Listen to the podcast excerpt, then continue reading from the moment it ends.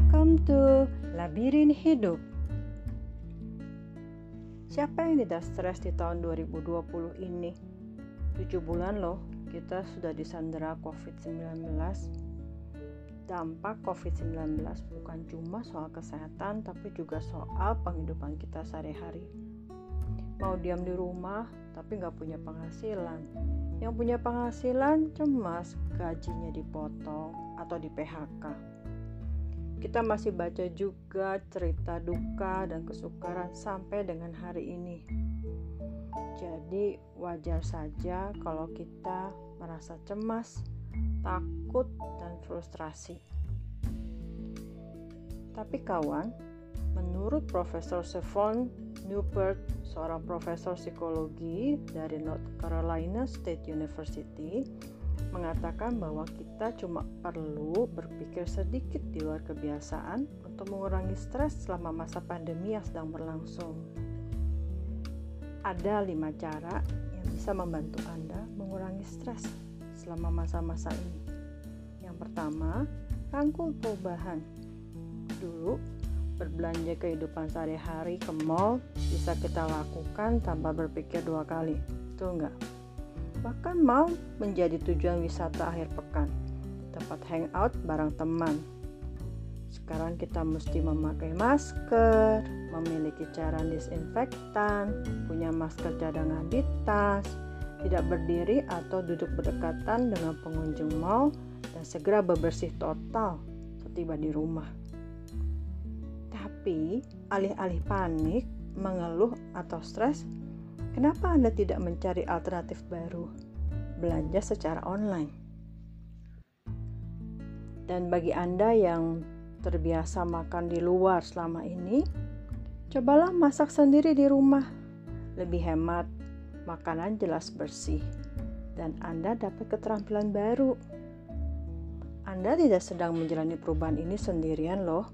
Seluruh dunia mengalaminya dan tidak ada seorang pun yang punya cara paling ampuh menghadapinya. Jadi, banyak orang lain yang juga bergumul hal yang sama. Daripada nelongso sendirian, carilah komunitas online dan cobalah mencari solusi bersama. Terimalah di normal ini. Yang kedua, olahraga. Olahraga punya efek menenangkan pikiran yang resah. Mulai olahraga rutin, apalagi Anda kan sekarang punya waktu lebih yang dulu Anda pakai untuk perjalanan rumah kantor rumah. Memasukkan kegiatan olahraga rutin dalam skedul harian Anda dapat membantu Anda mempertahankan kenormalan loh dalam kondisi yang dalam tanda petik tidak normal ini. Secara ilmiah, Olahraga terbukti mempermudah melepasan endorfin pada otak manusia. Nah, endorfin ini berpengaruh langsung pada meningkatnya rasa tentram, meningkatkan suasana hati jadi lebih enak, dan menetralkan hormon stres. Ada banyak olahraga tanpa alat yang bisa dilakukan di rumah. Jadi, tidak ada alasan Anda tidak melakukannya. Coba cek YouTube ada ratusan channel olahraga yang hostnya bisa menjadi personal trainer Anda. Gratis pula. Yang bayar ya internet datanya. Yang ketiga, hindari chaos. Berhentilah terobsesi dengan liputan virus COVID-19 yang gak ada habisnya. Matikan TV Anda dan berhentilah mencari tahu tentang pandemi secara berlebihan. Yang perlu Anda ketahui tentang virus ini adalah bagaimana melindungi diri Anda dan orang yang Anda cintai.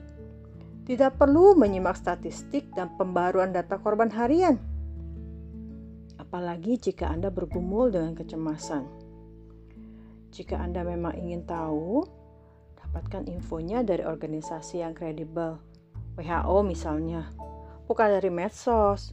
Bisa-bisa terpapar hoax dan gosip loh tambah cemas nanti. Hindari chaos secara sederhana lewat menjaga rumah Anda tetap teratur dan bersih. Rawat orang yang Anda cintai dengan lebih baik. Cobalah hobi bertanam atau peliharalah hewan kesayangan. Gunakan waktu Anda untuk memperbaiki kondisi hidup Anda. Jalani rutinitas normal sebanyak mungkin bisa mengurangi tingkat stres Anda. Misalnya, cobalah untuk tidak makan di tempat tidur. Dan alih-alih bekerja dari sofa sambil mengenakan piyama, bekerjalah di meja atau ruang kerja di rumah Anda. Dan jangan tidak pakai celana ya. Empat, harapkan masa depan positif.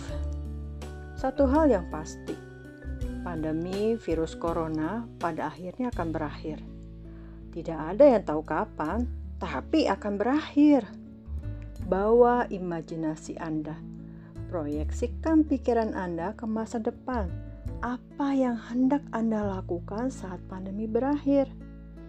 Catat semua hal yang akan Anda lakukan setelah pandemi selesai. Yakini bahwa waktunya akan tiba di masa depan. Sementara itu, lakukan hobi Anda atau melakukan hobi baru. Pelajari bahasa asing atau keterampilan baru. Ikuti kursus online.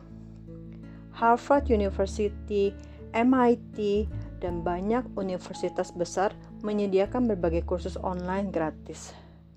Perkuat bukan hanya otot Anda, tetapi juga otak Anda. Tips terakhir dan paling penting adalah berbagi kebaikan. Ketika Anda berbagi kebaikan dengan orang lain, Anda mengerahkan perhatian kepada orang lain. Hormon kortisol yang mencengkram Anda di saat stres akan dikalahkan hormon oksitosin yang muncul karena perbuatan baik itu. Oksitosin menurunkan tekanan darah, mengurangi inflamasi, dan radikal bebas di sistem jantung dan pembuluh darah. In short, doing good does you good. Yuk, sekarang coba pikirkan kebaikan apa yang bisa Anda lakukan. Mungkin menyumbangkan waktu Anda, memberikan donasi, atau menulis tentang hal-hal baik di medsos. Banyak loh cara untuk melakukan kebaikan. Stres muncul karena Anda merasa tidak memiliki kontrol atas kondisi yang Anda alami. Sekarang daripada Anda berfokus pada hal-hal yang tidak bisa Anda kontrol, fokuslah pada hal-hal yang dapat Anda lakukan. Jangan biarkan pandemi ini meredupkan semangat hidup Anda. Slow down, take a breath, enjoy the journey. Thanks for listening. Saya Novila Sislistio.